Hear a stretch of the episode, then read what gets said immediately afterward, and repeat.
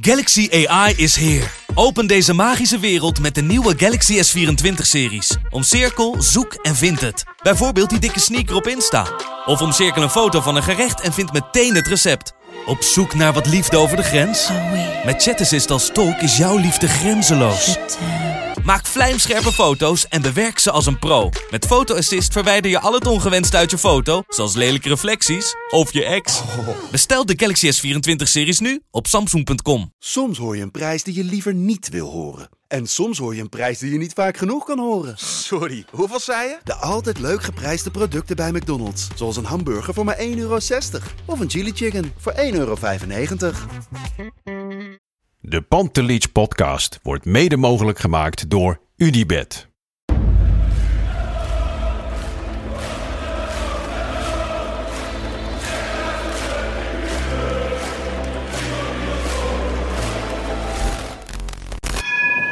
For me, they can have just lot of goals, lot of fun, and some some other things. 5-0 wordt het in Amsterdam. En nu, nu is de 36e landstitel binnen. Kluivert, ja! Kluivert 1-0. Nu moet Real de 100 maken.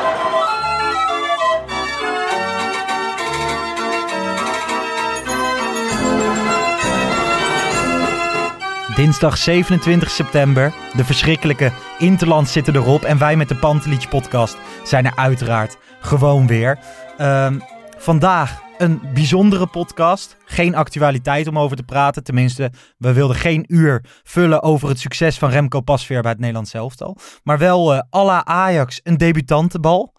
Een debutantenbal in de Pantelich podcast. Want tegenover mij zit eh, co-host Jan Verdonk. Welkom. Hoi. Ja, voor het eerst in de studio. Ja, ik denk dan moet ik een keertje langskomen. Ja, we konden elkaar voor het eerst een hand schudden. Hebben elkaar natuurlijk al een paar keer gesproken in de wedstrijdedities. Yes. Maar nu ook in het echte eerste indruk van zo'n studio. Ja, gaaf. Ik dacht dat het, eh, ja, dat het allemaal wel ingelijste dingetjes waren. Maar dan zie je hier dat het iets anders is. Jij Ja. verpest direct even de magie in minuut 1 van deze podcast. Thanks daarvoor. Ehm, goed dat je er bent. Ik vind het heel leuk om je te zien. En we worden geflankeerd door, eh, door twee gasten. Pascal Heijen, welkom. Dank je. En eh Daryl Douglas. Ja, dankjewel. Welkom. Ehm, beide, hè, om even context eh, te scheppen, onderdeel van een gouden generatie, maar een gouden generatie die niet doorbrak. Mag dat zo zeggen, Jan? Ja, dat mag je wel zeggen. Wel, Je had toen eh, de, de Shell jeugdcompetitie nog wel op, op televisie. En eh, daardoor kregen jullie best wel wat aandacht al op, op tv. En eh, ja, werd veel van jullie verwacht hè, door, door, door allerlei mensen. En Ja. ja, ja. is misschien niet altijd gelopen zoals, eh, zoals eh, eh, mensen hadden gedacht. Nee. Nou ja, dit, eh, jullie waren onderdeel van, van een Ajax A1 dat bijna iedere wedstrijd won in die eh, Shell jeugdcompetitie. Eh, alleen de laatste speeldag werd er gelijk gespeeld tegen Feyenoord. Eerste vraag. Hoezo hebben jullie die wedstrijd niet gewonnen? Heel eerlijk, ik zou dat niet meer weten. Maar ik weet wel dat de trainer Herman Borman niet zo blij was. Die dag. Maar ja, ik weet niet, misschien weet Daryl het nog hoe die wedstrijd ging. Ik weet het zelf niet. Maar we gingen er gewoon zoals normaal in. Maar ja, Feyenoord is ook niet. eh, ik neem aan dat jullie al lang kampioen waren. dat Ja, misschien, ja, was. misschien had dat ermee te maken. Ik weet het niet hoor. Maar Ja. ja. Jullie wonnen dat jaar met eh 11-3 van Feyenoord, 0-8 bij PSV. Daryl, eh, hoe bijzonder was, was die generatie? Hoe goed was dat team? Ik denk, dat het, ik denk dat het team qua individuele kwaliteiten gewoon heel erg goed was. Zeg maar, er er zaten heel veel spelers met gewoon specifieke kwaliteiten in. En eh, dus qua voetbalkwaliteit was het gewoon, ja, het was ook voor toeschouwers was het gewoon leuk om te, leuk om te zien. Hoe we speelden, zeg maar. Ja, was het een beetje, jij zei eh, Jan dat het vaak op tv werd uitgezonden. Je kon samenvattingen ervan zien. Dat kan je tegenwoordig natuurlijk op YouTube van de Ajax-jeugd. Maar was het een beetje vergelijkbaar met die Ajax-lichting van eh Nouri, Van de Beek, eh Czerny? Ja, weet je, ik was 13, 14 eh, rond die tijd. Dus Ja. maar, de, de- bij mij begon het toen een beetje te leven. Maar je, je wist al wel dat het, eh, ja, dat het een bijzondere generatie was. Er werd over gepraat. Ja, als je nu de verhalen gaat teruglezen, zie je ook dat mensen speciaal naar de, naar de, naar de, jeugd- naar de jeugdopleiding gingen om naar die wedstrijden van jullie te kijken. Dus ja, eh, toch had het wel redelijk wat aandacht voor die tijd al. Was het toen destijds druk bij jullie wedstrijden? Het was heel druk. Ja, de toekomst zat vol. Dus was mooi om mee te maken. Dus gewoon, ik vraag aan Jan, is het vergelijkbaar met die generatie van Nouri, Van de Beek, et cetera? Want daarvoor kwamen mensen inderdaad naar de toekomst. Hadden jullie dat ook? Ehm, nou, ik, ik was er eigenlijk niet zelf zo mee bezig. Het was, het was meer dat je plezier had met z'n allen, weet je wel. En daar ging het om en je won. Het ging allemaal heel automatisch. Ja. Dus, dus dat was een beetje het speciale van dat elftal. Dat je eigenlijk gewoon met alle plezier gewoon in die wedstrijd ging. En gewoon lekker een balletje trappen. En ja, we wisten gewoon van, we vreten ze op, weet je. Ja. En die drive hadden we ook allemaal. Dus ik, daarom denk ik ook dat wij die prestaties konden neerzetten. Ja, nou ja, een, een heel bijzonder jaar. Ik zit dan even naar die individuele namen te kijken. De gouden lichting waarvan niemand, nogmaals tussen haakjes, doorbrak. Uiteindelijk heb je dan wel een aantal bekende jongens. Sander Keller heeft jarenlang bij FC Utrecht gespeeld. Ehm, je hebt Serge van der Ban heeft volgens mij nog gekiept. Eh, best verdienstelijk, Mitchell Piquet. Eigenlijk de enige die echt de internationale top haalde was Andy van der Meijden. Klopt. Ehm, jij zelf, Daryl, hebt ook een prima carrière gehad. Ik bedoel, volgens mij eh, leerde ik jou kennen op FIFA toen je bij FC Utrecht speelde. En eh, later nog hè, bij Heracles ben je... Je hebt genoeg wedstrijden om daar... Ben je daar clubicoon? Of dat dan weer net Nou, niet? Dat, dat, ik denk niet, dat net niet, maar eh, ik heb veel wedstrijden daar gespeeld. Ja, ik heb man. een aantal jaren daar gespeeld. Ik heb mijn carrière ook daar afgesloten. Ja, Dus ja, het klopt man. Klopt helemaal wat je zegt. dus jij hebt, je hebt er uiteindelijk best veel uitgehaald. Jij bent op een gegeven moment ook een beetje rond gaan zwerven. RBC, NEC. NEC. Maar heb wel minder wedstrijden achter je naam. Ja. Voel je jezelf eh, niet geslaagd als voetballer? Nee, zeker niet. Ik zie het gewoon als een mooie ervaring. En ik kijk er niet op terug van, oh, het is negatief of... eh, nee, helemaal niet. Alleen maar positief qua... Ik, ik ben profvoetballer geweest. Dat wilde ik altijd als kleine jongen en Ja. dat heb ik mogen doen. Dus ik ben dankbaar. Dus die droom is uitgekomen. Zeker. Zeker. Had je er achteraf meer uit willen halen? Ja, natuurlijk. Dat kon ik ook. Kon je dat ook? Zeker. Want waar, is sowieso. het dan, waar gaat het dan, dan mis, zeg maar? Ehm, waar het misgaat, ging. Begeleiding. ja? Dat was het, ja. Begeleiding. Want waar, waarin, zeg maar, mist dat? Want je hebt op dit moment, hè, de jeugdspelers van Ajax krijgen, krijgen alles wat hun hartje begeert, volgens mij. Tegenwoordig heb je voor elk onderdeeltje, zowel fysiek als mentaal, ehm, ondersteuning. Ja. Wat had je destijds? Niet veel. Qua Een trainer? een trainer, ja. Een harde trainer? Ja. Ja, werden jullie, werd je hard geschoold in de Ajax-jeugd? Ja, Ajax was, was, was sowieso een harde. Hij was gewoon hard. Maar ehm, ik bedoel van, eh, maar hard wel, maar vaak wel eerlijk. Wat ik, wat ik heb eh, meegemaakt. Vaak Ja? wel, wel gewoon eerlijk, ja tuurlijk. Als je, het, het, werd- het, werd het was niet zoetsappig. Weet je, als je een slechte wedstrijd had gespeeld. Dan werd je gewoon duidelijk gezegd van, hey, eh, weet je, kom op man. eh, of het werd je op, echt op zijn Amsterdams. Werd het je gewoon duidelijk gemaakt. Maar als ik nu bijvoorbeeld in het normale leven, ne- neem je bepaalde uitspraken van trainers, neem je gewoon mee. Om, het is een soort leerschool. Het lijkt, het lijkt een soort militaire school. Maar met plezier. Ja. Weet je, dus, en ik bedoel van, ja, als je niet, als je, als je niet zo hard zouden, zeg maar, scholen, Mhm. dan- kan je het sowieso niet redden in, in de profvoetbal. Dus er, zit, er staat altijd wel een gedachte achter van, we moeten hard zijn, want het profvoetbal is keihard ook. Ja, je wordt op jonge leeftijd, weet je daar gewoon op voorbereid. Ja. Denk je dat dat nog steeds zo is, Jan? Eh, ja, daar was ik eigenlijk benieuwd naar. Want wie is de hardste dan? Eh, ken je, wie was de hardste in jullie beleving van uit die tijd? Kijk, als je man, als je hoofdopleidingen had als Co Adriaanse, begrijp je dat, dat de mensen bang waren die daar werkten. Mensen in de kantine waren bang voor die man. Leraren waren bang voor, voor Co Adriaanse. Want je, want je hoorde het gewoon als hij binnenkwam. Hé, hey, daar komt Co Adriaanse. Huh? Dus ik was nooit bang voor hem, dat, begrijp je? Maar er waren, iedereen, heel veel mensen waren bang. En dat is een bepaalde manier die hij dat, die tijd het bracht bij Ajax. Begrijp je? Hij, hij dwong mensen tot bepaalde dingen. Hij dwong een, een van de mij om zijn haar te knippen. Dreigde dat, als je die dingen niet doet, dat je wordt weggestuurd. Dus het was eh, heel hard. Met- dat- En ik heb Cole Adriaanse voor het grootste gedeelte heb ik meegemaakt. Daarvoor was het eigenlijk Louis van Gaal. Ik ben eigenlijk via Louis van Gaal ben ik aangenomen bij Ajax. Maar dat, dat, dat duurde ongeveer drie jaar. En toen eh, kwam Cole Adriaanse volgens mij. Ja. Ja, gruwelijk. Wa- wa- Want jarenlang heb je eigenlijk gehoord hè, dat Ajax een killerclub was, toch? Ja, En tegenwoordig proberen ze van dat stigma af, af te zijn. Ehm, ik denk dat ze daar ook wel redelijk goed aan doen. Ik denk dat jeugdspelers op dit moment de opleiding niet specifiek meer als keihard zullen omschrijven. Misschien wel nog steeds als eerlijk, toch? Ik denk dat het wel afhankelijk zal zijn eh, per trainer. Maar ehm, ik denk heel- ik denk dat er in heel veel jeugdopleidingen een andere mindset wel is gekomen. Misschien positiever richting, eh, richting spelers. Ehm, maar dat vind ik lastig in te schatten. Hè? Ik, bedoel, ik hoor jullie eh, namen noemen. Adriaanse, Van Gaal, wat je zei. Dat zijn natuurlijk ook wel die, die schoolmeesters die, Ja, die wel van de regels en de duidelijkheid Precies. waren. Die zal je nu nog steeds hebben, dat soort figuren. Ja, precies. Ja, nou, weet ik niet. Ik, denk- ik denk dat het wel eens verandert qua dat. Ja? Ja. Omdat? Eh, ja, wat ik gezien heb binnen de opleiding, zeg maar, bij Ajax dan. Dat, dat die discipline eigenlijk niet zo meer is zoals toen in onze tijd, zeg maar. Dat je echt een Adriaanse had of... eh, ja, dat soort trainers, zeg maar, van Gaal. Die echt op discipline hameren. En nu heb je denk ik meer vrijheid eh, als speler om je zegje te doen.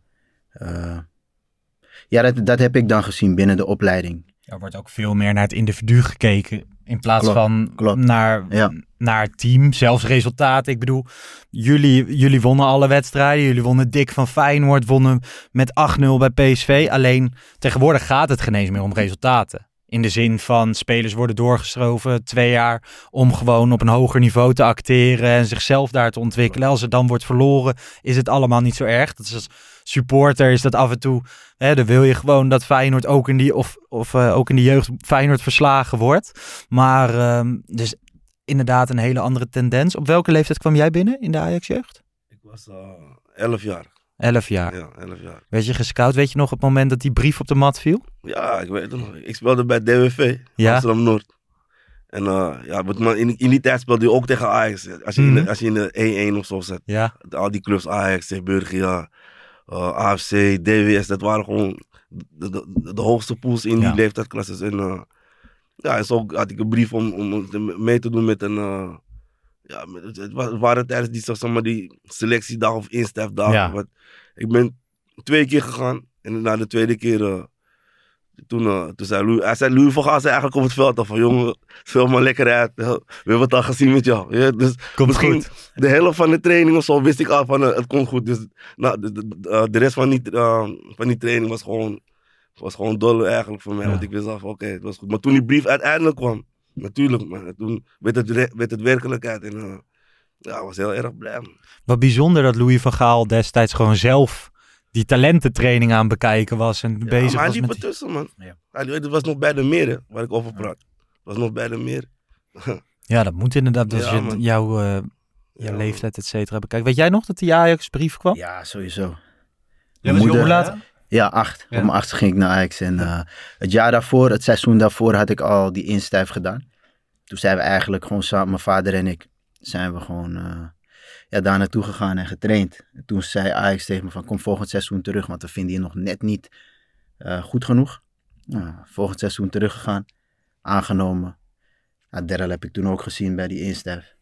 Want wij speelden... Nee, nee, nee, nee, nee, maar dat was een ander. Jij trainde mee, volgens mij. Ik heb je wel gezien bij een training, maar toen zat ik al daar. En ehm, ja, was prachtig. was prachtig, man. Kan je dan ook herinneren, zeg maar, mijn, mijn ideaalbeeld als, als klein ventje was voor Ajax spelen. Hè? Je, kreeg- je ziet die films, je wil dat. Maar als je dat als jochie overkomt, de, de eerste keer dat je met dat trainingspak over straat mag en met die tas. Of wat is, wat Ja, is de herinnering die jullie bijbleef? Tuurlijk ben je trots, maar het was niet zo dat je het wilde laten zien. Dat had ik tenminste. Ik ging niet met, zeg maar, oh, dus als je Ajax... Was- Juist, juist. Dat gevoel was er niet, maar het was wel trots. Van, hey, ik speel bij Ajax. Maar had je niet, zeg maar, gewoon, eh, wat ik me goed kon voorstellen is van, als je, als je verliefd wordt op een meisje en je bent op een jonge leeftijd, nou ja, het eerste asset dat je in kan zetten is eh, dat je bij Ajax voetbalt. Nee, nee, dat, dat had ik persoonlijk niet. Het was meer dat andere mensen dat zeiden dan Mhm. tegen anderen. Maar als ik over mezelf ging praten, sprak ik nooit zeg maar van ik, ik speel bij Ajax of zo. Ja. En eh, ook als je in de tram zat of zo, weet je, dan voelde je toch niet dat je, dat je zoiets dacht van ik mag het niet laten zien of zo. Je was gewoon trots. Ja. Maar ik ging nooit show of, of nee, dat niet. Had je, heb je misschien als Ajax-speler ook niet per se nodig. Had jij dat wel? Iets meer naar buiten? Nee, ik, ik was ook gewoon, eh, zeg maar, eh, op, op, op de achtergrond. Maar, ik wist, ik besefte gewoon dat het speciaal was. Natuurlijk, het was gewoon speciaal. Maar om bij elke, in Amsterdam, als je bij Ajax, dat was het hoogste wat je, wat je, wat je kon halen. En je, wist ook van, als je bij Ajax speelde, dat je bij de, ja, eigenlijk de beste hoort in Amsterdam. Dus het, het was gewoon een speciaal gevoel om dat te hebben. En die kleding was ook mooier dan andere, alle andere Mhm. kleding die, die er waren. Dus sowieso, eh, ja, je voelde je in de buurt waar je woonde natuurlijk, voelde je je speciaal gewoon, sowieso. Het was een speciaal gevoel, man, als ik terugdenk aan die tijd. Ja. Ben jij ooit dichtbij geweest? Dichtbij geweest. Ja, nee. ben jij een goede voetballer? Nee, ja, nee, nee, nee. Ik denk niet dat ik eh, dat niveau had kunnen halen. Nee. nee. Nee. Wel van gedroomd ook? Tuurlijk, zeker. Dus eh, ik, kan me, ik kan het voor. En het was ook nog wel een tijd waarin je trots kon zijn op, eh, om bij Ajax te spelen. Daarna kwamen er heel wat jaren waarin het misschien wat eh, voor jeugdspelers. De- de- dat ze wat de neiging hadden om de jas eroverheen aan te doen. Maar eh, in de, ja, halverwege de jaren negentig kon je wel, wel echt trots zijn dat je bij Ajax Ja. speelde, natuurlijk. Ik ging eigenlijk voor het shirt, vond ik Ajax mooi. Kappa hadden ze toen. Rood-wit kappa. En toen kreeg ze, nee ze hadden eerst Le Coq. Mhm. Toen kreeg ze kappa. Klopt. En voor dat shirt, ja. Alleen toen kregen we Umbro. Toen ik daar kwam, kregen we Umbro volgens mij. Baalde Dus, je eh, toen? Nee, nee, nee, want dat, dat shirt was prachtig. Mhm. Als Ja. kleine jongen, die shirts heb ik nog thuis hangen. Dus ja, dat vergeet je niet. Heb jij die shirts nog uit die tijd? Ja, ik heb nog wel een paar, zeker man. Zeker, ik heb, eh, ik heb heel veel shirts nog. Maar niet dat ik ze allemaal heb hangen natuurlijk, maar ik heb wel, eh, sowieso, voor Ajax heb ik ook nog. Ja, gruwelijk. Ja, Zijn jullie nog steeds Ajax supporter? Ja, ja. Ik volg Ajax wel. Ja. En jij? Kijk, als Ajax speelt ben ik voor Ajax, sowieso. Maar het is niet dat ik het echt meer op de voet, echt- echt op de voet volg. Of, Nee. ik, ik zie wel goed natuurlijk ontwikkelingen met nieuwe Mm. spelers, maar het gaat zo snel. Tegenwoordig speelt een speler één jaar. Ja. Of, en hij is al weg, kijk Anthony en niet zo spelen, begrijp je? Dus ik volg het wel natuurlijk, als hoe ik voetbal volg, maar het is wel, eh, het is, voetbal is veranderd natuurlijk. Ja man, dat is ook de reden Ja, dat je als supporter denk ik extra veel ehm, waardering hebt voor spelers uit de jeugd. De Daily Blind, et cetera. Heb jij dat ook? Ja. Ja, ja, maar je ziet nu ook, denk ik ook wel een heel andere tijd, omdat je die social media nu hebt. Hè? Ik bedoel, als je een beetje uitblinkt nu in de Ajax-jeugd, er staat meteen een compilatie van je op, eh, op Ja, YouTube. precies. Was bij jullie anders? Hoe, hoe zien jullie die verschillen tussen nu en toen? Ja, je, je zegt het goed. Eh, bijvoorbeeld als, als je debuut maakt. Ja, je komt in programma's en, en ja, bij mij was er zo'n klein stukje in de krant. En dat was toen, weet je wel. Dus Mhm. dat is het verschil. Maar het is wel een heel groot verschil. Want het kan je wel je carrière een boost geven. De aandacht, de media. Ehm, ja, dat geeft een bepaalde boost aan je carrière. Want wanneer kwam er bij jullie voor het eerst een, een zaakwaarnemer om de hoek kijken? Ja, dat was vanaf het moment dat we ons contract eh, konden ondertekenen. Daarvoor wist ik niet eens dat, een, ehm, ja, dat, dat, dat dat nodig was, zeg maar. Mijn ouders wisten ook niet eh, hoe en wat. Dus, dus dat was eigenlijk, daarom zeg ik begeleiding. En wat was het eerste moment dat je, dat je zeg maar een contract ging tekenen? Was dat ook rond de A1 toen? Ja, dat was A1. Ja, ja, Oké. ja, A1. Dus zeg Ja. maar, we- nu is dat ook ongeveer het moment dat de meeste spelers een contract krijgen. Heel af en toe gaan ze nog naar jong Ajax zonder contract. Bijvoorbeeld Mazraoui deed dat. Maar eh, was dat bij jou ook, A1? Ja, was A1. eh, de, wij, wij zaten net in, zeg maar, in die periode van het Bosman-arrest. Oké. Dus toen, toen, toen was het voor het eerst dat er eigenlijk eh, spelers, zeg maar, vanuit de A1 zulke lange contracten ook Dat er wat rechten kwamen. Dat, eigenlijk Precies. zat je dan in een gunstige periode, omdat de club schrokken. Precies. Toch? Juist. Precies. Ja. Van, voor- van voorhand leek het heel gunstig natuurlijk. Ja. En het was eigenlijk ook gunstig uiteindelijk. Maar, Ja. maar ja, uiteindelijk, hoe het- hoe het uiteindelijk is gelopen natuurlijk. Het heeft zijn voor- en zijn nadelen alles. Maar die contracten werden bij jullie halverwege het seizoen of zo. eh, er was iets, iets raars met die, met die momenten of zo bij jullie. Dat dat, eh, Nou ja, ik weet wel dat we het hoorden, zeg maar, dat een paar al een contract zouden krijgen. En je had twee jaar en je had vijf jaar. Dus daarvoor was je er eigenlijk niet mee bezig. Ik tenminste niet. En de meesten denk ik niet. Maar toen je het hoorde, ja, dan begon je toch een bepaalde spanning te krijgen van, hé, hey, wacht even. Je kan een contract verdienen. En als jij van jezelf weet dat je kwaliteit hebt en, en je, je hoort bij de betere, ja, dan wil je een vijfjarig contract hebben. En in mijn geval kreeg ik hem later. En dat motiveerde mij wel om extra te laten zien van oké, ik verdien dat ook. Dus jij kreeg eerst die twee. Nee, nee, nee, ik had geen contract. Oké. Je kreeg later een paar vijf jaar. Vijfjarig contract. Volgens mij was jij een van de eerste. Volgens mij met die andere jongens. En ehm, ja, wij kregen later. Maar toch een vijfjarig contract kunnen tekenen. En was het dan qua salarissen? Van jou, eh, Pascal, konden we lezen, vijf jaar, 100.000 gulden. Ging het destijds om per jaar. We- Waren die bedragen toen destijds gewoon hetzelfde per speler? Of was dat ook al gewoon voor de een meer als de ander? Ik- Kijk, weet je, je, je sprak onderling eigenlijk nooit over die Nee? bedragen. Nee, maar ik denk, ik denk dat het dat de meeste ongeveer hetzelfde. Als je vijf jaar krijgt, dat het ongeveer identieke contracten waren.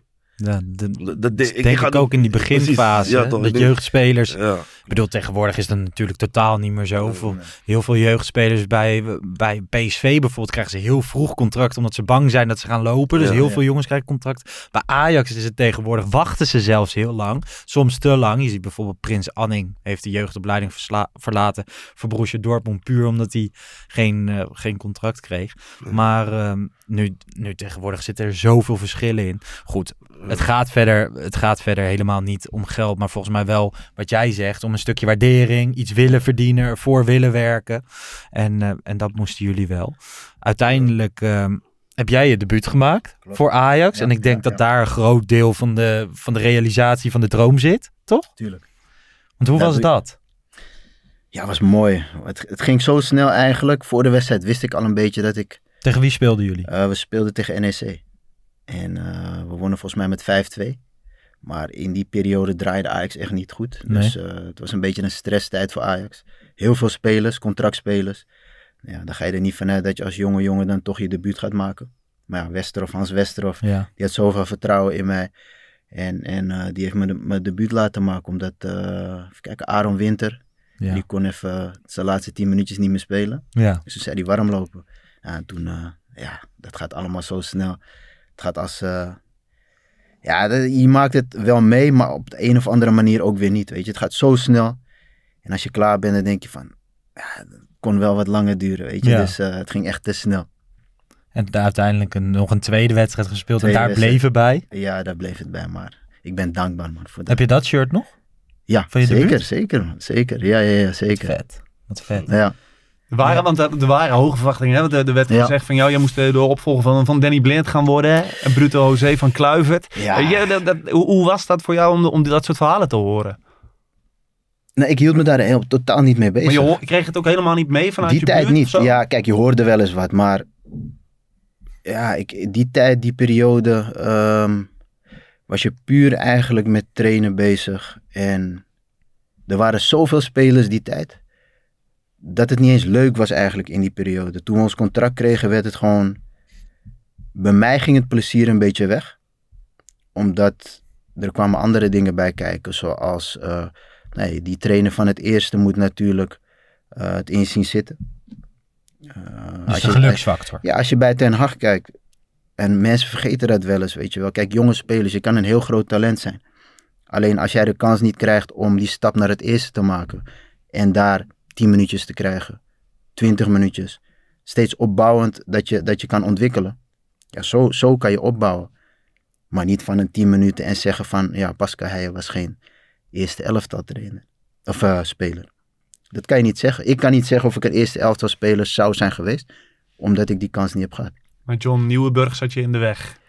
Uh, dat was een van de spelers. En ja, uiteindelijk weet ik wat mijn kwaliteiten waren. En ik, was een echt, ik ben een echt Ajax-speler. Dus uiteindelijk weet ik gewoon wat mijn opleiding daar was. Mhm. En ik denk zo van, dan had je zo'n jongen niet hoeven halen. Maar dat ben ik. Toen der tijd. En wat ik me altijd af- veel afvraag, jullie hadden natuurlijk in de jeugd eigenlijk, nou ja, heel veel de bal.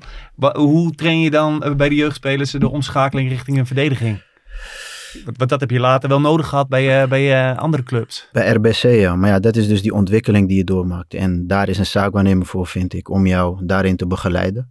Ehm, ik zou bijvoorbeeld een Ajax-speler niet naar een, een ploeg, een, een degradant sturen. Omdat je dan je ontwikkeling eh, stagneert. Want je gaat alleen maar verdedigen. Je moet doorgaan in je, in je sterke punten te ontwikkelen. Tuurlijk, verdedigen hoort er ook bij. Maar ja, wij hebben 90%. Ik zeg wij. Maar we hadden 90% de bal in de wedstrijd. Dus als je dan naar een ploeg gaat waar je 90% de bal niet hebt.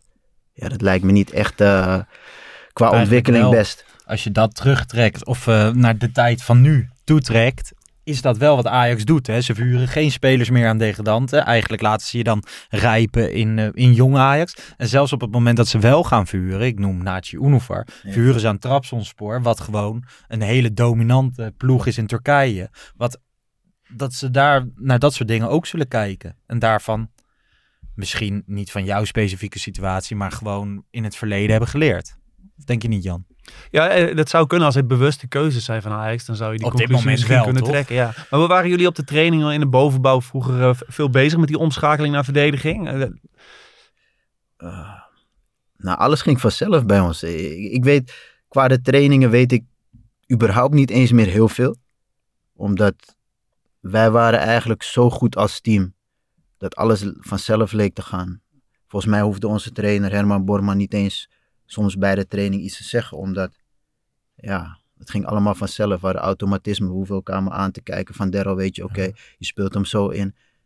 Zelfs nu nog, als we soms wedstrijden spelen, weet je al van Daryl, oké, hij doet dit. Ik hoef niet eens na te denken bij dat. Want het, het zijn automatismes die je, die je in je gevoel hebt. En dat is heel speciaal, maar ook apart om uit te leggen, zeg maar. Want het is een gevoel. Maar voor mij klinkt dat ook een klein beetje als ehm, op het moment dat jij een hele jeugdopleiding geen tegenstand kent. En je komt opeens in een situatie waar dat, waar dat wel zo is. Hè? Je moet de stap naar het profvoetbal zetten. Je hebt concurrentie. Je moet van het jeugdvoetbal naar volwassen voetbal. Dat, dat die stap extra zwaar is, of niet, Daryl? Ja, sowieso. Maar eh, kijk, we hadden, we hadden ook gewoon eh, tegenstand. Mijn Nederlands elftal onder 17 bijvoorbeeld speelden we tegen Ronaldinho. We speelden tegen, tegen alle- we speelden toernooien tegen Borussia Dortmund en we wonnen. We wonnen Feyenoord toernooi. Dus iedereen van onze, in onze leeftijdsklasse, zeg maar, wonnen we gewoon. Dus het gaat om de ontwikkeling daarna. Maar als je zeg maar vanuit de A1 komt en je komt zeg maar in de tweede elftal en, die en je ontwikkelt je niet verder. Mhm. Er, er, er, er, er- er is zeg maar. ehm, ehm, er wordt niet aan je gewerkt of je wordt links gelaten of weet wat. Dan gaat je ontwikkeling stokken. En dat, dat, heeft, dat heeft ervoor gezorgd dat je dan zeg maar niet makkelijk kan, eh, kan bijbenen. Dan wordt die stap te groot. Want als je bijvoorbeeld uit de A1 komt, je bent een groot talent. Je hebt alle toernooien gewoon. Je bent Nederlands elftal, maakt niet uit. Maar je komt in de tweede en je speelt niet. Ja. Dan, als je twee maanden niet speelt, drie maanden niet speelt, ga je al achteruit. En, en, en, dat, en dat is waar, eh, wat heel belangrijk is, is dat als talenten die zeg maar, als talenten worden gezien, ook zeg maar door worden ontwikkeld om, om te kijken wat er uit het talent komt. Maar wanneer er mensen komen zeg maar, bij een club die geen intenties hebben voor, op, voor dat, zeg maar, om een talent door te blijven ontwikkelen, Ja. dan, kan het, dan kan het heel snel bergafwaarts gaan. Ja, dat geloof ik. Ik geloof ook wel dat zeg, zelf zeg maar Ajax op dat moment, die, die zullen in het bestuur ook hebben ge- gedacht van godverdomme, we hebben een A1, die winnen alles. Ja, die, die gasten moeten, moeten naar het eerste. Gewoon, ik, ik neem aan dat ze zelfs in die bestuurskamer niet gek genoeg waren dat ze jullie links li- lieten liggen. Waar, waar komt dat gevoel? Ik, ik denk dat je, je moet geluk hebben man in voetbal. Ja, oké, er Ik- moet een, een dus functie zijn. er Geluk, moet ruimte dat de juiste mensen op dat moment, zeg maar, bij, op, op, op- op de, juiste, zeg maar, de juiste tijd en de juiste mensen er er zijn. Kijk, als je zeg maar, als je onder 18 bent en er komt uitgerekend het jaar dat, jullie, dat je zeg maar overgaat naar, de, naar, Ja. naar, het- naar het eerste elftal. En, eh, Jan Wouters die misschien nooit een wedstrijd heeft gezien in de A1. Ja. Wij komen een heleboel gasten. Tony Brijsloot komt later uit Spanje die, met, een glas wijn. Begrijp? Mannen die niet hebben gezien wat er is gebeurd. En Ajax is een grote club. is een bedrijf. Vroeger misschien in de meer had je mannen als Van der Lem die weten van hé, hey, eh, er speelt eentje in de onder 16, er speelt eentje in, in de A1. Maar toen we uiteindelijk naar de arena gingen en, en Morten Olsen kwam, Wouters kwam. En werd Die hadden niet geen idee. Wat, wat hebben hun gedaan in, in, in, Ze keken op dat moment van oké, hij was er al. En zo weer de keuzes gemaakt. Dus eh, je, je, je moet geluk hebben. Maar was het ook niet in die tijd dat ze een beetje te krampachtig die topclub in Europa wilden blijven en daarom met geld gingen, gingen smijten? Ja, ik denk wel dat het echt heeft meegespeeld dat het een, je kan wel zeggen, een rotzooitje was. Die tijd. Het, het, het, het was ook niet leuk. Er kwamen, er kwamen spelers van het eerste bij ons in de kleedkamer. Mensen mochten niet meer van het eerste in hun kleedkamer zitten. Dus Een beroemde kleedkamer 2? Juist, die kwamen bij ons. Wij hadden gewoon plezier. En, en, maar dan krijg je wel spelers van het eerste die geen plezier hebben. Ja, dat slaat ook op het elftal natuurlijk. Ja, en, en dan ben je aan het ontwikkelen. Wij vragen niet om de situatie. En niet dat we achteraf gaan zeuren daarom. Het is profvoetbal. En je bent bij Ajax. Dus uiteindelijk is het gewoon een harde wereld. Alleen begeleiding. En dat vind ik wel jammer. Want we hadden echt wel de kwaliteiten om... We weten dat we goede voetballers waren. Mhm. En nog steeds als we wedstrijden spelen, we zijn het niet verleerd. Mhm. Weet je, we spelen tegen jonge jongens soms. Met de Golden Boys. En, en dan ja, komen ze nog na de wedstrijd naar ons toe van wauw, weet je wel. Want jullie spelen nog steeds met een Ja. deel van dit elftal wedstrijden. Een deel van het elftal. En we probeerden eigenlijk ehm, die hele lichting bij elkaar te, Mhm. te krijgen. Maar ja, dat, dat door omstandigheden, weet je. De een heeft eh, kinderen, de ander heeft werk. Dus, dus iedereen heeft wat. Ja.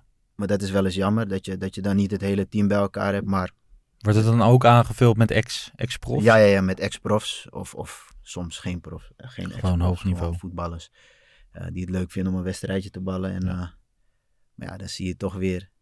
Ja, en daar geniet ik van. Want dat ik bijvoorbeeld Daryl dan zie in zijn, zijn bewegingen, wat hij vroeger had, Mhm. heeft hij nog steeds. En zo zijn- zien ze dat bij mij natuurlijk ook. En, en ja, dat laat me lachen. En daar doen we het voor. Nou ja, dan gewoon jouw glimlach. Want Ja. het- hè, voor de mensen die kijken, die zien hem, zien hem ook echt. Ik zie hem ook echt. En voor de, voor de aflevering zei je ook gewoon van... Dit team is niet alleen een team dat alles won. Het, is, het was ook een vriendenclub. Er, er heerst echt een, bepaald, een bepaalde chemie omheen, magie. Ja, het was, het was, ehm, het was speciaal. Als ik er aan terugdenk, ja, ik, ik lach vanzelf al. Want ik denk dan aan de tijd en we praten over bepaalde dingen. Maar Mhm. Ehm, het is niet zo dat als ik over bepaalde dingen praat, over begeleiding, dat ik dan denk van, dat ik een negatief gevoel heb of zo. Nee. Ik kan alleen maar puur positief kijken naar de tijd die we hebben gehad, zeg maar. Als team en, en als spelers zelf. Alleen als je me vraagt van had je er meer uit kunnen halen, tuurlijk.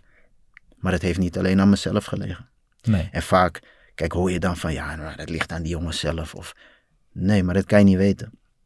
En dat vind ik altijd zo makkelijk gezegd van mensen die er buiten staan, zeg maar. Die, die, die kunnen niet weten. Als jij zelf niet in die situatie hebt gestaan, dan kan je beter je mond houden op dat moment. Omdat jij kan mijn gevoel niet weten. Maar je kan ook niet het gevoel weten van de trainer of de technisch directeur of wie daar binnen die club zit, wat hun gedachten zijn. Wie weet mogen ze je niet. Kan ook. Mhm. Gebeurt ook in de voetballerij. Ja. Nou ja, ik, ik zat een beetje op internet te speuren naar we- verhalen uit, eh, uit die tijd. Jullie zijn op een gegeven moment allebei bij RBC Roosendaal of All Places eh, terechtgekomen. Klopt. Prachtige club die eh, helaas te gronde is gegaan. Maar jullie zaten daar allebei. En jij hebt daar best een goede periode gekend. Maar daarvan las ik ook van, ja, ik speelde heel erg goed, maar er kwam niemand van de Ajax kijken. Dus ja, als je dan verhuurd wordt. Ja, ik had niet het gevoel dat er mensen op de tribune voor mij zaten van hé, we gaan even naar onze speler kijken. Want ik ben nog een speler, ik was nog een speler van Ajax, nog Mhm. drie seizoenen lang. En dan, als je dat niet voelt, ja, wat heeft het voor zin om diegene dan te verhuren? Ja. Weet je, dan, dan kan je diegene liever verkopen. Maar dat kwam ook door Mhm. trainers. Koeman kwam, eh, wie zat er daarvoor? Adriaanse natuurlijk. Adriaanse, toen werd ik verhuurd. Ja. Koeman kwam daarna. Dus ik snap wel de wisseling van de wacht was het gewoon. Dus ja, als jij dan al weg bent, ga je helemaal niet in dat verhaal mee. Maar ik verwacht wel dat als je nog speler bent van Ajax, Mhm. dat je gevolgd wordt. Ja. Wat je doet. En of dat nou goed of slecht is, dan hoor je in ieder geval van oké. Dat je iets je- van feedback krijgt. Juist, je speelt niet goed, we gaan je niet terughalen. Maar dat wordt niet gebeurd. Je kan heel makkelijk zeggen dat er tegenwoordig veel meer van dat soort begeleidingen op zit. Maar we hadden bijvoorbeeld vorig jaar ook nog het verhaal van, van Bandé. Die zei van, hè, we- geen idee, maar ik word geen eens meer gebeld. Of als ik Overmars bel. Ja, en ik denk dat als je eh, recent nog een beetje gaat kijken naar jongens als Sivkovic en, eh, en Muric, is er ook genoeg te zeggen van voor de begeleiding die zij kregen nadat ze de overstap maakten naar Amsterdam je- bijvoorbeeld. Dat was ook niet altijd even goed geregeld. Mhm. Dus ik denk dat eh, het zal, zullen veel dingen beter gaan, maar ook sommige dingen die nog steeds wel voor verbetering vatbaar zijn, denk ik. Maar we- weet je, ik, waar waar ik wel heel erg benieuwd naar ben, je bent dan een, een toptalent bij Ajax, je hebt de beste faciliteiten tot je beschikking, beste trainers, en dan ga je die stap maken naar RBC en dat soort clubs. Hoe moeilijk is die teruggang qua faciliteiten en, de hele beleving eh, bij die clubs? Ja, kijk, je wordt ervoor, zeg maar, je wordt voorbereid. Door je manager bijvoorbeeld, zaakwaarnemer. Alleen als je daar zelf bent, je zegt wel ja. Alleen als je daar zelf bent, dan was dat toch best wel, voor mij best wel confronterend. En helemaal hoe we daar trainden bij Boermies, weet je nog? Het regende die tijd. Wat zeg je nou, Boermies? Boermies, ja. We hadden dus het stadion waren ze aan het verbouwen. Ze hadden Ja? geen trainings, dus toen gingen we bij een boer. Maar hij was letterlijk boer gewoon. Boer, ja. Maar uit het topveld. Ja? Niks te klagen over dat veld. Alleen, ja, het was anders. Je had- normaal had je je kleding, maar nu hadden de bakken, je moest je sokken, gaten erin. Weet je, dus dat soort Ja, ja. dingen. Het was even wennen en het regende en ja, het was gewoon even een omschakeling. Dus RBC was op dat moment tweede divisie. Of net eerder. Nee, het was Eredivisie. Net dat jaar. Eredivisie. En, en, ja, is wonder van. Roosendaal dat ze opeens daar eh, in de eredivisie zaten Ja. natuurlijk. En ik was nog nooit aan die kant geweest. Ik ging alleen maar voor in Ettenleur toen de tijd voor het eh, eh, sponsorcontract, zeg maar, wat ik toen tekende bij merk. Maar voor de rest heb ik nooit van Roosendaal gehoord eigenlijk, daarvoor. Nee. Dus dat was al iets van wennen. Gelukkig was Daryl er ook. Dat, dat scheelde wel, weet je. Want jullie waren toen destijds, hè, jullie zaten in dat team, maar binnen dat team waren jullie ook al echt goede vrienden. Ja, zeker. Ik bedoel, van, we kennen elkaar van Ajax natuurlijk. Dus Mhm. dat, dat is sowieso al een connectie die je gelijk hebt in een andere stad. Maar hoe keken jullie elkaar aan toen je bij Boer Mies op de boerderij eh, voor het eerst kwam? Van wat de fuck gebeurt hier? Kijk, ja, heleboel dingen. We, we sliepen ook in een soort klooster daar. Dat was vergeten, dus, ja. eh, Het was anders, maar het, het heeft, weet je, achteraf, eh, eh, het heeft bijgedragen aan de algemene ontwikkeling, laat Ja. ik het zo zeggen, weet je. En, eh, en, en, en je moet s'nachts, je kan niet te lang blijven treuren. Want kijk, ik was ook alweer, je bent verhuurd en dan moet je weer presteren. Dus Mhm. je, je, moet, ja, je moet gewoon, je, en je wilt ook gewoon wijzen van, hey, ik wil niet hier bij Boermies blijven. Dus Maar weet je wat ik wel, Daryl, weet je nog? ja. Bij Boermies met die mevrouw die de nagel had gebeten. Vertel. We gingen eten, maar er lagen plastic, de vuilniszak op dat eten. In die kantine. Ja. Het was een beetje oud zo. Niet om raar te praten, hoor, maar Nee. het is gewoon een leuk iets wat, wat ik altijd blijf onthouden. Had ze de nagel gebeten, maar het viel in die soep. Dus ik vertelde dat laatst nog aan iemand. Daarom vertel ik het nu. Daarom moet ik ook echt Ja. lachen. Want kijk, dat soort dingen vergeet je niet. En, en die mevrouw had echt goede bedoelingen, weet je wel. Maar je hebt al een bepaald idee en dan kom je daar en dan maak je dat ook weer mee. Vuilniszakken over het eten en... en ja, het was gewoon een omschakeling. Maar achteraf, kijk, je wordt... Je, wordt ja, je moet dat meemaken. Het is een ervaring. Maar ik kan me ook echt heel goed voorstellen dat, het- en nu, jij hebt al een paar keer gezegd van we leven nu in een tijd van social media. Ik bedoel, Amsterdam en Roosendaal zijn nog steeds verschillende steden, maar de, de afstand tussen dat soort steden zijn, is veel kleiner geworden door het bestaan van social media en het kunnen communiceren en zo. Voor jullie was het echt inderdaad, je pakt de trein of je wordt gebracht en je, bent opeens in Roosendaal echt een andere wereld. ja, zeker. Daar zullen de beste voetballers van, van Roosendaal eh, bij elkaar zijn gekomen. En jullie hadden toen een best, best aardig team. Maar jullie waren jongens die van Ajax kwamen. Ja, ja. Toch? Ja, Was klopt. dat ook, kwam je ook binnen als, weliswaar een jonge speler, maar wel als een meneertje? Eh, ja, ze hadden, ze hadden wel gewoon respect gewoon als voetballer en ook als mens gewoon. Mhm. Omdat, zoals we al zeiden, van, we doen niet uit de hoogte. Ehm, we, kwamen, we kwamen daar gewoon binnen als voetballers die voor Ajax komen en kunnen voetballen. Lieten we ook zien. En de een door omstandigheden wat minder misschien gespeeld. Mhm. Maar buiten dat om, ja. Ik vind dat wij alle twee daar gewoon hadden moeten spelen. En, en, ehm, maar daarin zie je ook weer, de trainer heeft zijn voorkeuren. eh, zijn gedachten over Wie was dingen. trainer toen? Maaskant. De en- kroonprins van de trainersgilde. Ja, ja. Mooie vent? Toen? Eh, ja, ik, ik was nooit echt zo met trainen. Ik zag hem gewoon als mijn trainer. Dus kijk, sommige spelers kunnen echt met een trainer Mhm. lachen. En Ja. Ik was dat niet gewend. Een trainer is boven, dus hij staat boven. Dus ik was eigenlijk nooit zo bezig met een trainer van... Ik vond hem des- destijds gewoon een, een, een, goede trainer. Hij, hij, weet, hij wist wel wat hij deed op zich. Alleen ja, ik keek niet zo naar hem van... eh, Hm. Dus jij was meer van de hiërarchie. ja, ja. Nog Maar- steeds? ja, dat blijf ik wel houden, ja. Want tegenwoordig heb jij Ja. zelf een voetbalschool. Daar wil ik eigenlijk straks nog naartoe. Maar dan ben je ook nog steeds hiërarchisch. Eh, in een bepaalde zin wel. Ze moeten wel een bepaald respect hebben voor je, vind ik. Ja. Ehm, dat ze toch weten van oké, dat is de trainer. En niet dat ze een loopje met je nemen of zo. Maar ik denk dat het gewoon puur natuurlijk gaat. Gewoon, als je dat uitstraalt. Ja. En, en dat- kan je niet spelen. Nee. En sommigen willen gaan schreeuwen, maar ik heb Ja. dat zelf niet nodig. En eh, dat merk ik ook met de kids. Als ze zich goed voelen bij je, dan gedragen ze zich ook En zo. Zullen ze ze. ook met respect eh, jou behandelen. Ja. En luisteren ze ook. En, en eh, ja, dat gebeurt gewoon. Ja. Ik zit even naar jouw carrière te kijken, Daryl. Jij na RBC, daar speelde je 13 wedstrijden. Ging je naar Haarlem, 65 wedstrijden. Dus op een gegeven moment, gewoon elke club waar jij kwam, ging failliet. Uh, RBC, RBC, ja. Dus ja, kijk, als je niet sterk bent, dan, eh, weet je, dan eh, ga je naar Ria of weet veel wat, wat voor gesticht. Maar eh, de RBC degradeerde. Ja. toen, ging, ik naar- toen werd ik verhuurd naar Haarlem. Haarlem was toen 17 of zo. In de tweede in, divisie. In, het- in de eerste divisie. Ja, eerste Keuken- divisie. Keukenkampioen divisie. Maar kijk, bij Haarlem heb ik wel weer, weer mijn plezier teruggevonden. Dus, dus dat, een, een slechte heeft, heeft, ook een, een goede uitkomst uiteindelijk. Ik, ik bedoel, van, je was helemaal gekelderd naar de eerste divisie. Mhm. Omdat ja, ik bedoel van, als je, als je degradeert bij RBC, er, er zijn er niet veel clubs die je nog, nog echt interessant vindt. En, dan zo- en als je ook nog zo weinig hebt gespeeld bij RBC. Dus ehm satellietclub Haarlem.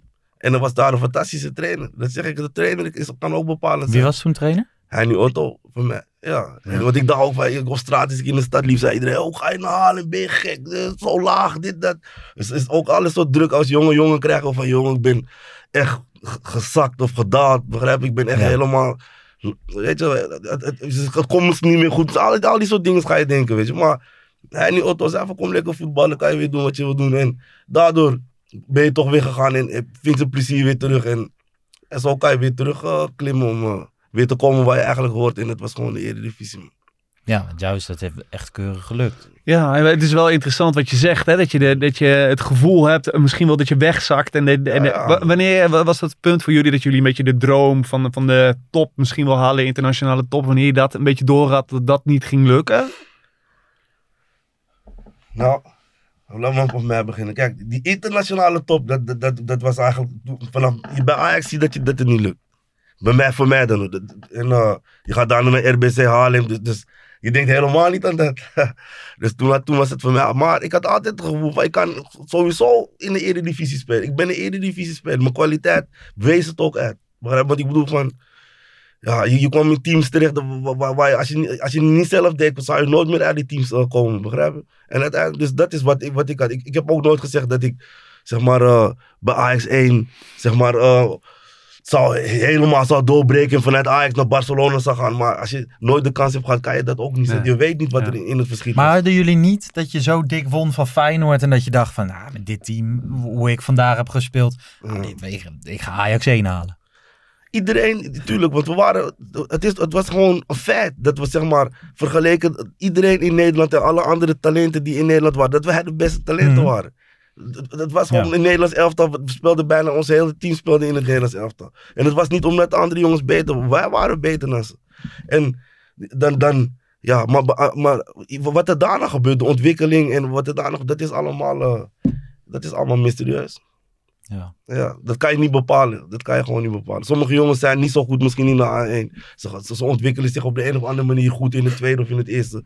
En ze worden grote Ja, je hebt nog voetballers. Dus- steeds heel veel van die voorbeelden. Ja, Inderdaad, toch? jongens die de hele jeugd eigenlijk erbovenuit steken. en dan, In het Ja. tweede, of jongens die helemaal niet zo goed zijn in de jeugd en in het tweede opeens heel goed zijn. En alsnog Ajax 1 halen. Ik bedoel, het is allemaal, eh, allemaal een koe in de kont kijken achteraf. Maar, Maar, goed, je eh, bent natuurlijk altijd met voetbal bezig. En ik kan me voorstellen dat er ook zo'n punt komt dat je gaat nadenken van... Oeh, stel nou dat het allemaal niet gaat lukken. Hè, wat ga ik dan doen? En dat dat misschien wel best wel beangstigend is, dat, dat moment. Ik weet niet wanneer je, of, of dat bij jullie in die tijd al kwam. Of dat het Nee, later pas nee, kwam. nee. Ik heb dat moment niet gehad of zo. Dat niet, zo extreem. Het was voor mij wel een klap, zeg maar, toen ik hoorde dat ik verhuurd moest worden. Omdat ik in dat gesprek ging, zeg maar, met mijn vader en mijn zaakwaarnemer destijds. Met een hele andere intentie en idee in je hoofd. Totaal niet dat je verhuurd moest worden. Ja, en toen heb ik die klap eigenlijk jaren meegenomen, zeg maar.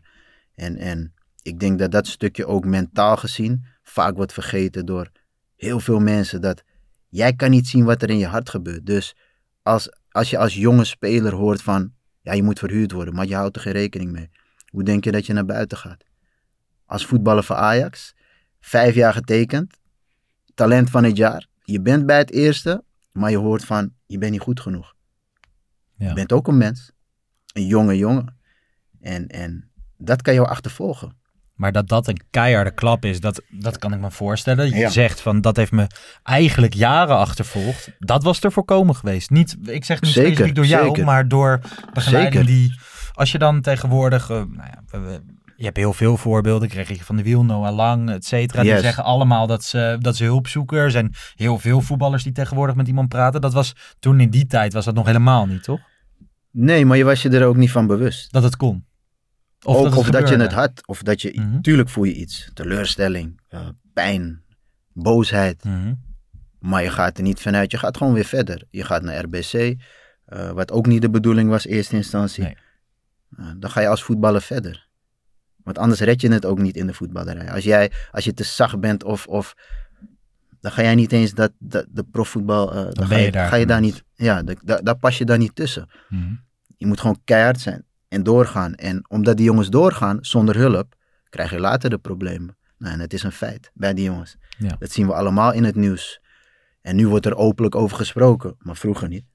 Maar Ze ben je dan, ehm, voel je dan wel eens veroordeeld door de, door de tijd waarin je hebt geleefd? Dat je denkt van ja, als ik dat toen destijds had gekund of als ik die, die zijweg had, dan had ik meer... Eh, Snap je wat ik bedoel? ja, ik snap zeker wat je bedoelt. En, en daarom blijf ik het zeggen, het is begeleiding. Dus je bent nu op een bepaalde manier blij voor de jongens die... Zeker, zeker. Vind je het dan ook goed dat zij naar buiten komen als rolmodel? Ik vind het altijd heel vet. Als een. Noah Lang vertelt dat hij elke week met iemand praat omdat hem dat goed doet. Als hij dat wil vertellen en het doet hem goed, eh, is alleen maar krachtig. Ja. Ehm, ja, ik neem niet aan dat hij het zomaar gaat vertellen. Eh, het wordt hem misschien gevraagd in een bepaald onderwerp en dan praat hij er open over. En eh, ja, iedereen moet gewoon zijn ding doen wat voor hem het beste is. Mhm. Maar in die tijd, ja, als je over begeleiding gaat praten en bij ons dan, toen we een contract kregen, ik kan niemand opnoemen die, die daarin eh, ons heeft gesteund, zeg maar. Nee. nee. Of Heb jij dat ook zo ervaren? Ja, in die tijd had je niet echt mentale begeleiders en zo. Dus daarom vind ik het wel mooi. Nu dat er dus, zeg maar, ja, personen zijn, ook oudspelers, die zeg maar zulke soort eh, trainingen bieden aan spelers. Dus er is- echt een heel breed scala aan mogelijkheden nu. Ja. Waar, waar mensen zeg maar, ook, ook met mentale problemen, want dat aspect was de hele tijd eh, ja, op de achtergrond gehouden. Maar nu zie je voor, zeg maar, ook met andere sporters dat het mentale aspect is heel belangrijk in de sport.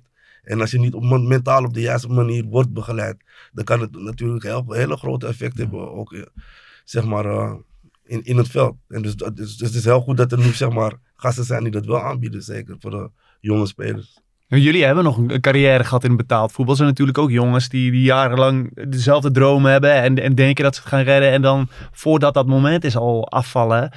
Ja, eh, is- er nazorg eigenlijk voor dat soort eh, jongens? Ja, daar zeg je wat heel belangrijk, weet je wel. Want een van onze vrienden dan, eh, van vroeger in de jeugd, ehm, die kwam bij mij langs. Ik had mijn Achillespees afgescheurd en hij kwam op bezoek bij mij.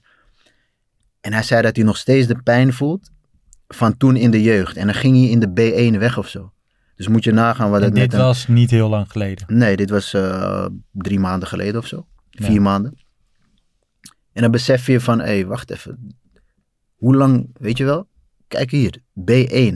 Welke leeftijd? 16 jaar. Mhm. Hij is nu 42. En hij neemt het mee in zijn leven. Dus kijk wat het met een mens doet. Ja, en dat wordt wel eens onderschat. En nu komt het naar buiten, maar je ziet wat het mentaal met een mens kan doen. Wie weet slaat het wel op jouw leven. Op Ja. je persoonlijke leven, weet je wel. Je moet natuurlijk op zoek naar een soort van nieuwe identiteit als dat Ja. stukje wordt afgerond. En in Engeland zijn er wel onderzoeken geweest naar, jongens die, die nou ja, zelfs zelfmoord plegen. En, en heel ver terug van dat stukje wordt niet altijd duidelijk. Weet je wel, dit is best wel een romantisch plaatje nog steeds. Wat we hebben van, van jeugdvoetbal, Voetballen in de jeugdopleidingen. jeugd bij een, Ja. ja. bij een. Ja, je moet ook tegen de druk kunnen. En, en er komt heel veel druk bij kijken. Het is, het is allemaal leuk voetbal, maar de druk, daar moet je al tegen kunnen om überhaupt bij een topclub te spelen. Dat is al een overwinning, want dat beseffen heel veel mensen niet dat als jij bij Ajax speelt of bij een andere topclub, er komen gewoon dingen bij kijken waar jij zelf soms niet ehm, invloed op hebt. Vaak niet eens. Tuurlijk, je kan goed spelen, maar wie zegt het dat je dan speelt? Mhm. Maar hoe ga je daar dan weer mee om? Ja. Weet je? Nou ja, ik, heb- ik heb zelf een, een goede vriend gehad die speelde in de jeugd van AGOVV. En dan heb je het over AGOVV, maar dat is voor, voor het kleine dorp waar ik toen destijds vandaan kwam, was, dat, was het, hij speelt bij AGOVV. Hij kan misschien een profvoetbal halen. En zelfs hij ondervond daar gevolgen van. Laat staan als je bij, eh, bij Ajax voetbalt.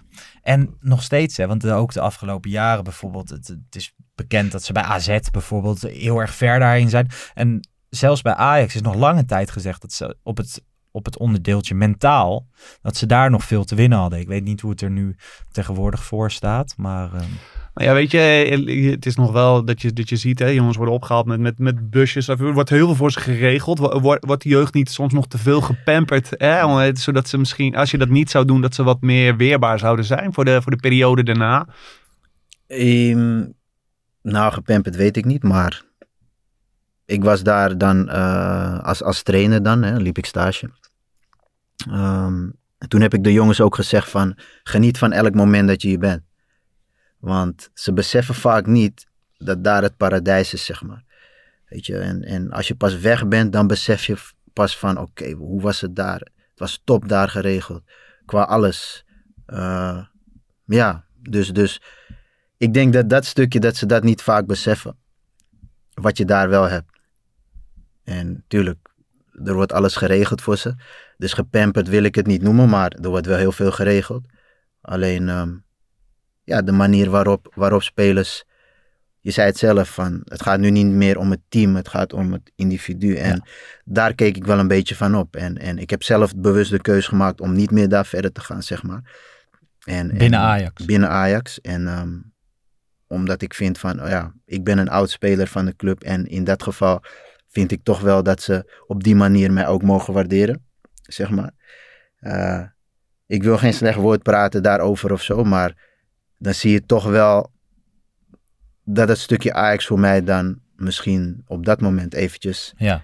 klaar is. Weet je wel?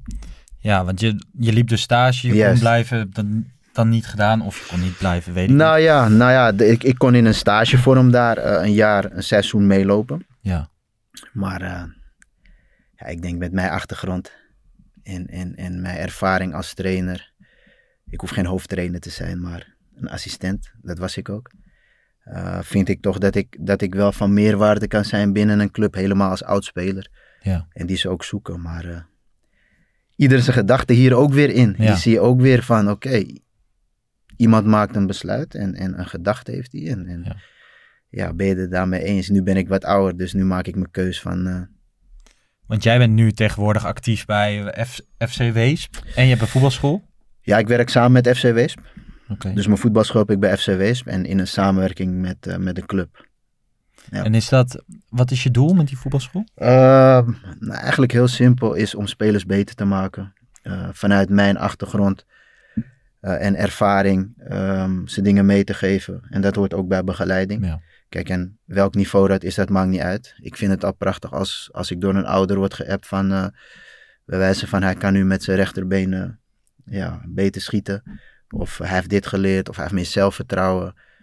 Ja, daar, daar doe hij ik het voor. voor. voetballen leuk. Hij vindt voetballen leuk, want dat is het. Dat was wel mooi. Gerard van der Lem was bij het voetbalkamp uh, waar wij trainen dan uh, mm. waren.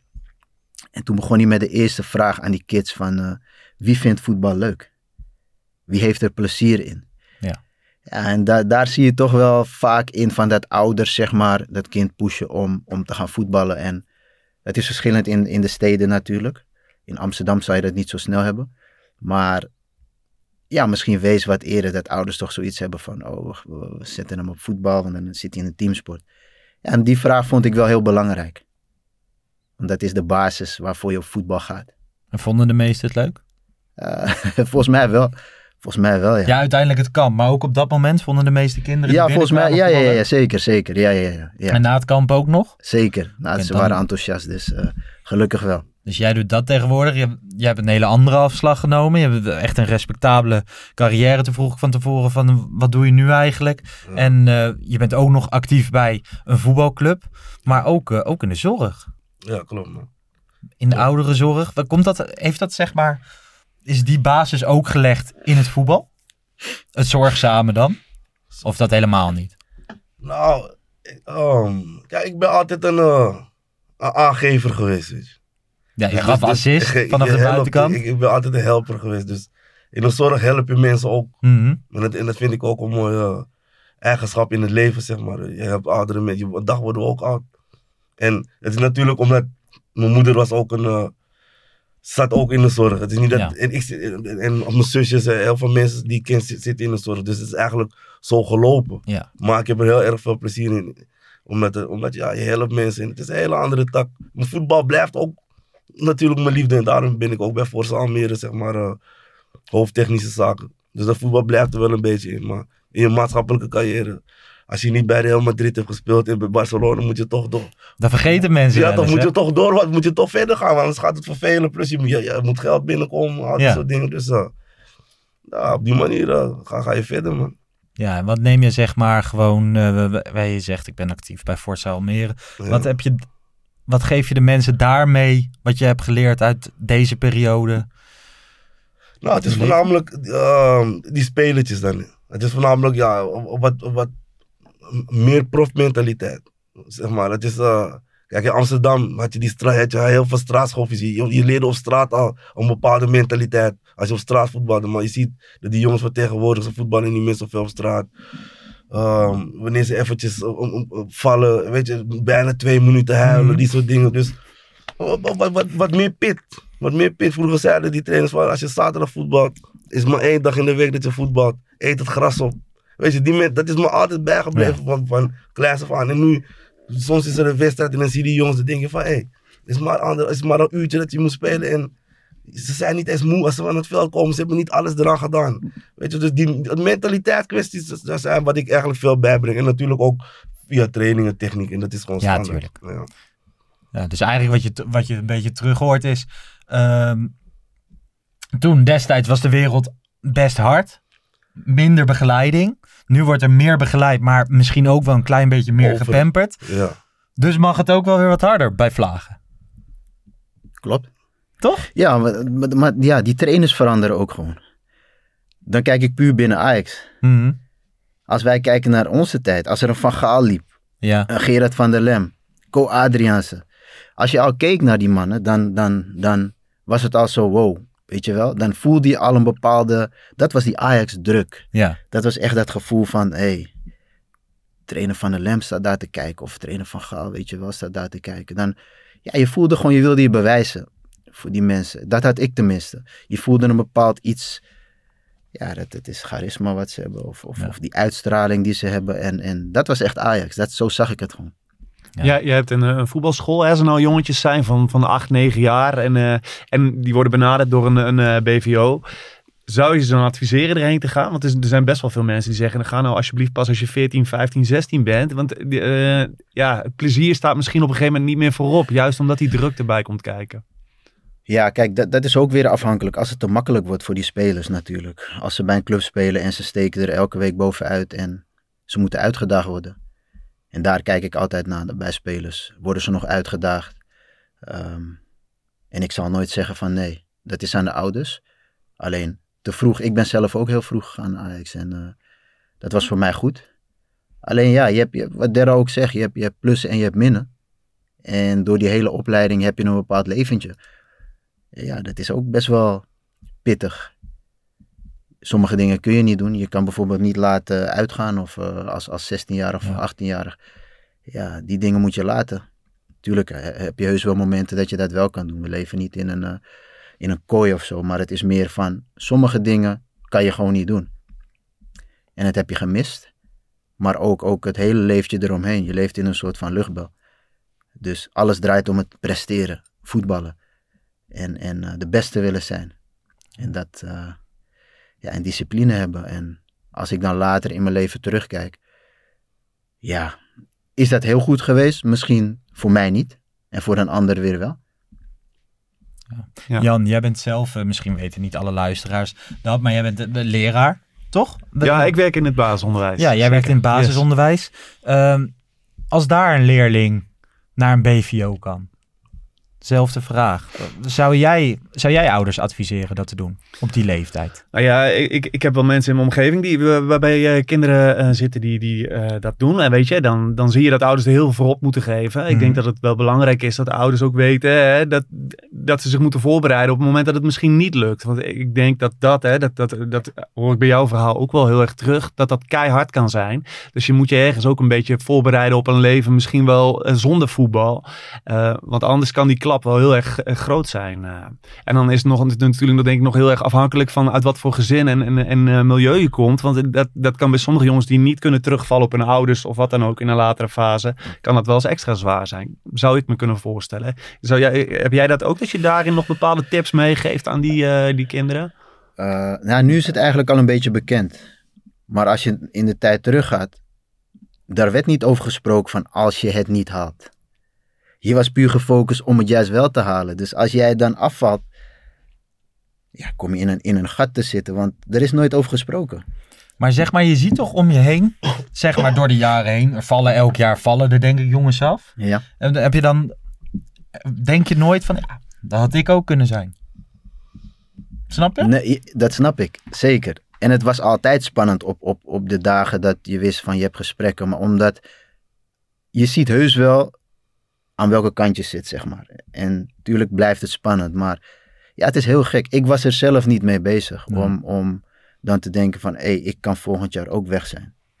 En dat is een beetje waardoor ik het waarschijnlijk dan wel tot, uh, tot een contract heb uh, ja. kunnen halen. En, en ja, dat is voor mij dan. Maar ik heb nooit die momenten gehad dat ik dacht van uh, ik ga volgend jaar, moet ik weg. Nee. Stukje voorbereiding van een club, ouders en begeleiding eromheen dus. Nou ja, want hoe, hoe belangrijk zijn jou, is jouw familie voor je geweest na je carrière? Toen je toch wel op een, misschien op een, even een doodpunt ja. kwam te zitten? Tot op de dag van vandaag kan ik zeggen van ja, zonder mijn ouders dan... en mijn broer en mijn zus, gewoon mijn gezin. Mijn kinderen ook natuurlijk nu dan. Ja, die hebben me gesteund door dik en dun. Bij jou is het wel gruwelijk, zeg maar, dat je gewoon in dit, in dit gesprek gewoon heel erg kan zien op het moment dat je over mooie periodes of mooie dingen, mooie mensen in je leven praat. Gewoon de trots, ja. zeg maar, die we bij het woord familie, maar ook bij, dit, uh, bij deze Ajax A1. Gewoon, daar, daar komt heel veel gevoel en trots bij kijken. Dat is echt mooi om te zien. Ja, ja ik denk dat het gewoon puurheid is. Ik denk als je gewoon niet, als je jezelf bent en um, ja, je hoeft niet anders te doen dan dat je zelf bent. Nee. En, en ik moet niet vergeten, Daryl is ook echt een steun voor me geweest. In, in, we, we praten veel over, niet alleen voetbaldingen. Nee, maar vriendschap. Ja, vriendschap. En dat maak je ook weinig mee, weet je wel. Iedereen is voor zich bezig. Ja. Uh, en daarom is het mooi dat we hier samen zitten. En uh, dat we elkaar nog spreken, weet je wel. Dus, uh, Zeker. Zeker. Ja, want je mag, uh, je mag uiteindelijk zeggen dat jij niet de Danny Blind werd. Jij werd niet de nieuwe Sjaak Zwart. Maar jullie zijn wel wezenlijk onderdeel van de Ajax-geschiedenis met deze gouden generatie, met dit jaar. Ik bedoel, ik kan niet vaak genoeg de zin lezen dat jullie 11-3 wonnen van Feyenoord en 8-0 van PSV. Laat dat alsjeblieft nog veel vaker gebeuren. Uh, heb je nog een, een, vraag? Nou ja, ik ben benieuwd als jullie op verjaardagen zitten of waar dan ook. Welk, welke anekdote uit, de, uit je Ajax-jeugd vertel je het liefst? Welk verhaal is, is er die je het liefst vertelt daar bij die, bij die mensen? Nou, kijk, het hangt er vanaf. Kijk, als je met mensen bent die, die, die, die erbij waren, dan uh, er zijn er heel veel verhalen, weet je. Dus bijvoorbeeld als je jongens tegenkomt uit die tijd, er zijn er echt veel. Ik heb niet één verhaal, er zijn echt heel erg veel dingen die grappig waren. Weet je, op toernooien hebben we grappige dingen meegemaakt. We hebben jonge wedstrijden die grappig waren, weet je. Dus ik heb heel veel. Ik heb heel veel uh, ja, ik, ik kan er niet echt één opnoemen. Ja, maar, maar, maar je moet je... een boek gaan schrijven, dus. Uh... we kunnen zoveel. Ja, we hebben zoveel dingen wat we, wat we kunnen vertellen eigenlijk. Dus, dus um, ja, het waren mooie momenten. Ik kan alleen maar met plezier kijken naar, uh, naar de hele jeugdopleiding. Dus wat dat betreft, in die end heb je daar al met al een goed gevoel aan overgehouden. Je, je had het niet willen missen. Zeker niet.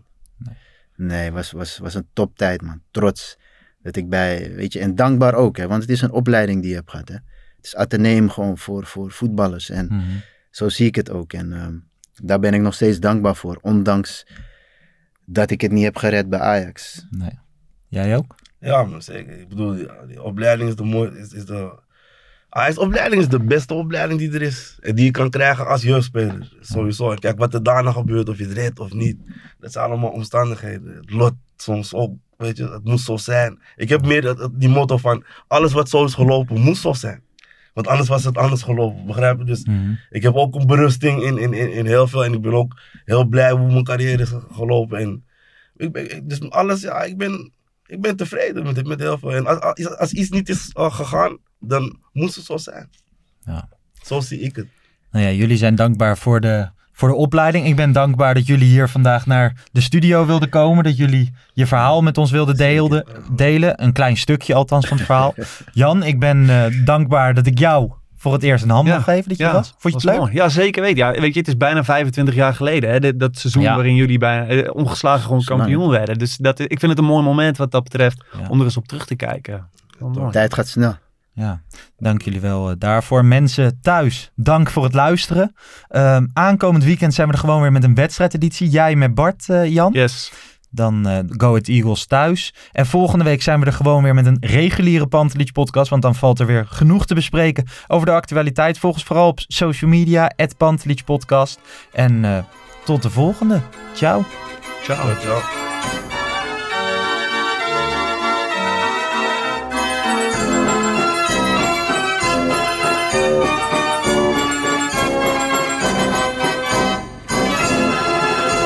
Let's go Ajax.